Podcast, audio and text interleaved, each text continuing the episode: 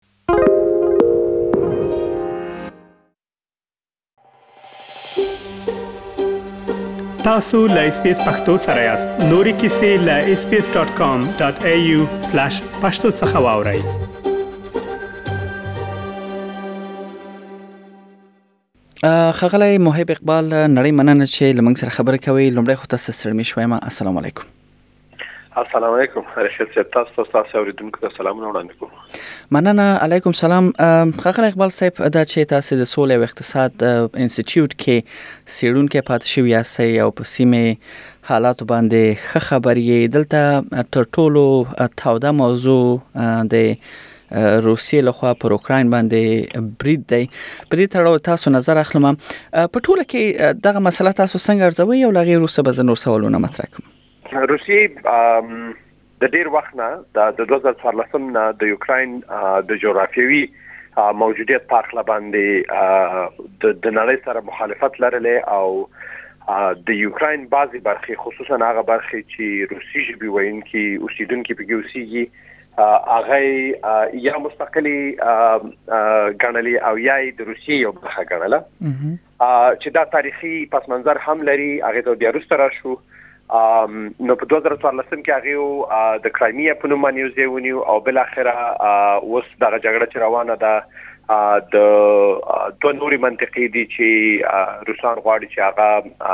یا د آزادو هوادونو په ځانې مطرح کې او یا د انکس کې د روسیې سره ولې لوی موضوع په دې کې دا ده چې روسانو په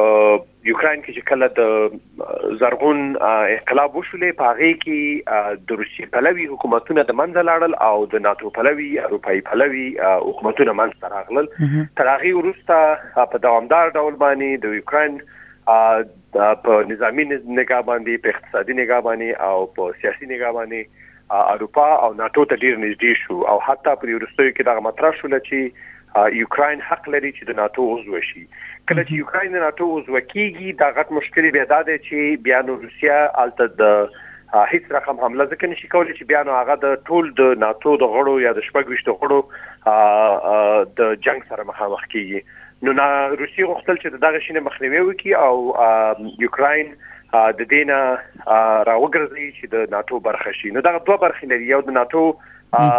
غزیدل یوکرين ته دی او بل په یوکرين کې د روسي جبي او روسي پلوي نفوس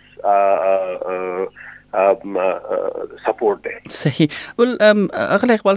خغلی اقبال صاحب تاسو د پس منظر ته اشاره وکړه کله چې ولادمیر پوتین دغه ځانګړو پوځي عملیاتو امر هم وکړ چې دای نوم ورکوي ورته نو هغه ویل چې دا منګه غ پلارنای خاوره یا ټاټوبای دغه دفاع کوو د خلکو دفاع کوو دین منظور سو دغه پس منظر ته هم کې اوسې اشاره ورکي ولې روسیا هر کله دا سوچ کوي چې یوکرين د دوی برخه ده دلته یعنی روسان په کامل ډول باندې دا فکر نه کوي چې یوکرين د روسیې برخه ده ولی روسان او پوتين مشخص ډول باندې په ډیر واضح ډول باندې دا فکر کوي او دغه تاریخي پس منظر هم دغه دی چې یوکرين د روسیې او یا د خواني شوروي اتحاد د انډیا د نفوذ ساحه ده دغه د نفوذ ساحه په دې معنی لري چې دغه د یو دیوال په حیث باندې روسان د اروپا نه جدا کوي او د اروپایي قدرتونو نه جدا کوي چې دغه د اول جنگ جهاني او دویم جنگ جهاني پس منظر هم دغه ترازی چې په هغه وخت کې هم روسیا چې یو نوي نظامی قدرت په اسپانیا رامنځته کېدله دغه یوکراین په دغه ډول باندې استفاده شوې دی او د یوکراین جنگونه دا ول جنگ نه دی په یوکراین کې کله چې د جرمني نازي قواوي روسیې طرف ته پرمختګ کولې په کیف کې یو د خطرناک ترینو جنگونو نه په کیف کې شوې دی چې کیف په ګوران شوې او ډېر ډېر تلفات ورکړي او په هغه جنگ کې روسانو او یوکراینانو په دغه ګډه باندې د نازي قواو سره یا د هغه وخت جرمني حکومت سره جرمن جرمني عسکرو سره جنگیدلې دي نو دا یو تاریخي پس منظر دغه دی ولې دغه ستراتیژیک اهمیت به دا کې دي چې روسان په ډیر واضح ډول باندې یوکرين د خپل نفوس صاحب ولي د نظامی نفوس صاحب ولي او د اروپا سره د خپل جدایي یا د هغه د بفر یو یو په حیث باندې کاروي او کله چې دغه دغه موضوع د خطر سره مخامخ کیږي بیا روسان دغه یو عمل تر ازي چې هغه مداخله کوي او او نظامی عملیات او جنگ شروع کوي صحیح بل اقبال صاحب د روسیې دغه اقدام سره نړۍ ډیر هیوادونه چې د اروپا اروپايي ټولنې په په ګډون هغوی دغه اقتصادي تحریمونه دوی وضع کړل ولې ځینې نور هیوادونه دي چې لدغه مسلې څخه دوی لګ ځان شاته یا یو طرف ته واقع کوي چې په هغه کې هند او حتی چین هم شامل دي دلته مسله دا پیدا کیږي چې آیا دا د اختلاف موضوع هم په نړیواله کچه ده یعنی آیا ټول یعنی نړۍ د روسیې دغه اقدام يرغل غني او یا زینې دا سوچ هم کوي چې دا د روسیې حق ته چې داسې وکړو کی زما په اند باندې روسیه په یو په یو مستقل او آزاد هیواد باندې حمله کړې ده دغه د غربي او اکثریت د نړۍ د اکثریت هیوادونو نظر هم دی اما زه فکر کوم چې روسان دلته په نړۍ کې د لوی قدرتونو ترمنځ یو نوې معادله رامنځته کیږي د چین را ژوند را راجګیدل د اقتصادي نگانه او د نظامی نگانه او د روسیې بیرته قدرتمند کېدل ځکه چې په نویوم کال کله چې شوروي اتحاد سقوط وکړل روسیا ډیر سي جدي اقتصادي او نظامی هر رقم مشکلات سره مخ وه ولې په تېرو دېرشو کالو کې، څه باندې دېرشو کالو کې دوی وکولای شول چې بېرته خپل اقتصاد هم جوړ کړي، بېرته خپل نظامي قدرت هم لاس ته راوړي او بېرته په نړۍ کې د یو نړیوال قدرت په حیث باندې مطرح شي. دغه یو طرف دی او دغه اکسس یا دغه یو بله معادله د قدرت چې منځ ته راځي د روسیې او د چین ترمنځ روابط دي او یا هند دلته نه غواړي چې روسیه مثلا په داسې یو حالت کې خفه کړي ځکه چې د هند اردو د د روسیې په نظامی تجهیزاتو ته ډېر زیات اړتیا لري او هند په خپل کې یو مشکل د چین سره هم لري او د پاکستان سره هم لري نو په هغه نگاه باندې د روسیې نظامی تجهیزات ته ډېر سخت اړتیا لري نو په هغه اساس باندې دی نه غواړي چې حد اقل روسان په مقابل کې ودرېږي ولیکن دغه د یو ان په سکیورټي کونسل کې د رای نه خودداري کول په دې معنی هم نه دي چې هغه دغه دغه ورچ تاییدي حد اقل هغه نه غواړي چې یو طرف هم واخلي او د سولې غږ کوي نو دغه یو موضوع ده یو بل غټه موضوع چې مطرح ده د نړیوال انرژي بازار کړکېچن کېدل دي د روسیې د ځکه چې د روسیې تقریبا 40% د اروپا د انرژي بازار ته انرژي فراهم کوي نو که چیرته دغه انرژي قطع کیږي په دې وخت کې نو د اروپאי اقتصادونه ډېر سخت ضربه ویني او موږ ګورو چې دغه بندیزونه چې هم په روسیه باندې ولګیدل د انرژي سکتور باغې کې نه دی په باندې سره نه مخ شوی نو دا یو بل غټه موضوع هم ده چې روسانو دا غن استفاده کړې ده او په دې وضعیت کې نړۍ واقع کړې ده چې نړۍ د سټیر شدید بندیزونه هم نشي په لګولې صحیح دا بل اقبال صاحب دا موضوع چې کله د اقتصادي تحریمونو مطرح شو نو څه فکر کوي چې آیا روسیا د لپاره آماده و چې دومره ډیر تحریمونه په ځان باندې واخلي او دوی دغه سیو نظامی یعنی ګام پورته کی معنا دا چې اقتصاد دومره یعنی غختلی وو چې ټول نړۍ یو طرف ته کی او دوی یعنی دغه سیو کارو کی او څنګه چې مخکې یادوري وکړه دا ډېر ډېر په ځای سوال دی او زه فکر کوم چې پوتین د دې په اړه باندې روسانو په دې اړه باندې ډېر عمیق تحلیل لرلی او په دې پوهیدل چې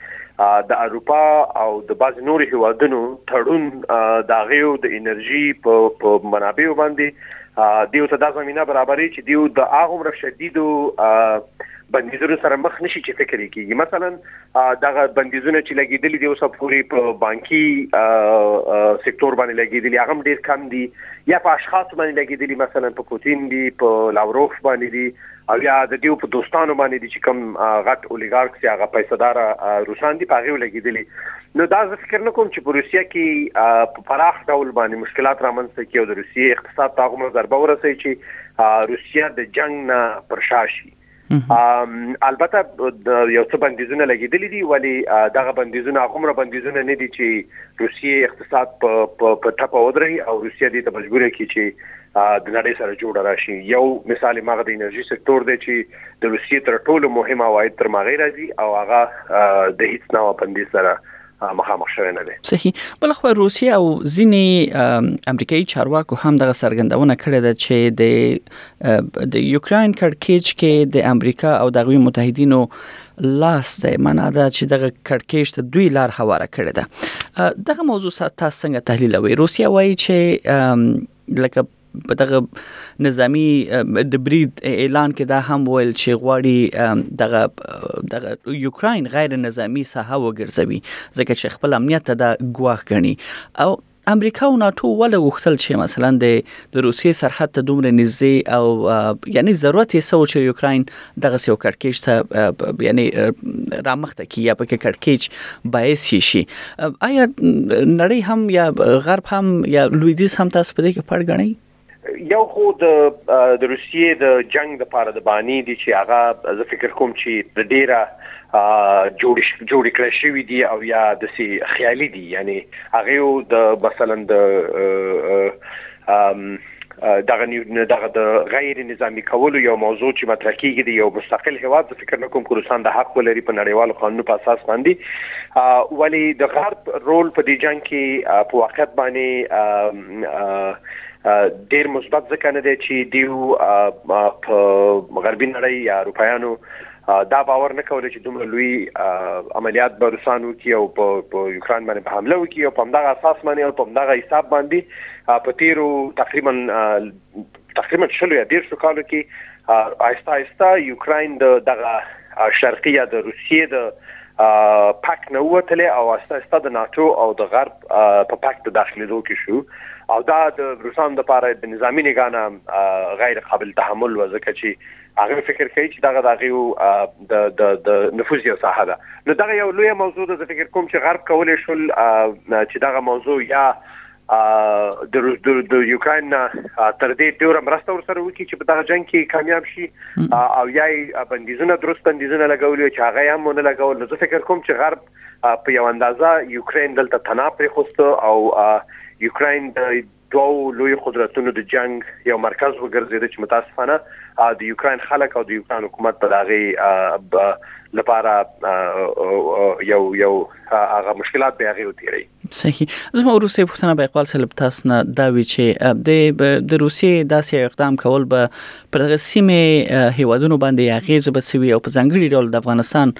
پر مسلې باندې ځکه افغانستان هم په دې یعنی شاوخوا شپږ میاشتې تیر شوې دي چې یو داسې یو نظام چې امریکا جوړ کړی وو هغه یې دلته له لاسه ورکړ او اوسه پورې هم طالبان په رسمیت نه دي پیژندل شوي دا یو کړکیچ و چې د خبرونو سرټکي تل جوړول ول اوس ټول پام یوکراین ته واړول شو نو افغانستان حالت تاسو څنګه ارزوي په داسې یو کړکیچ کې دا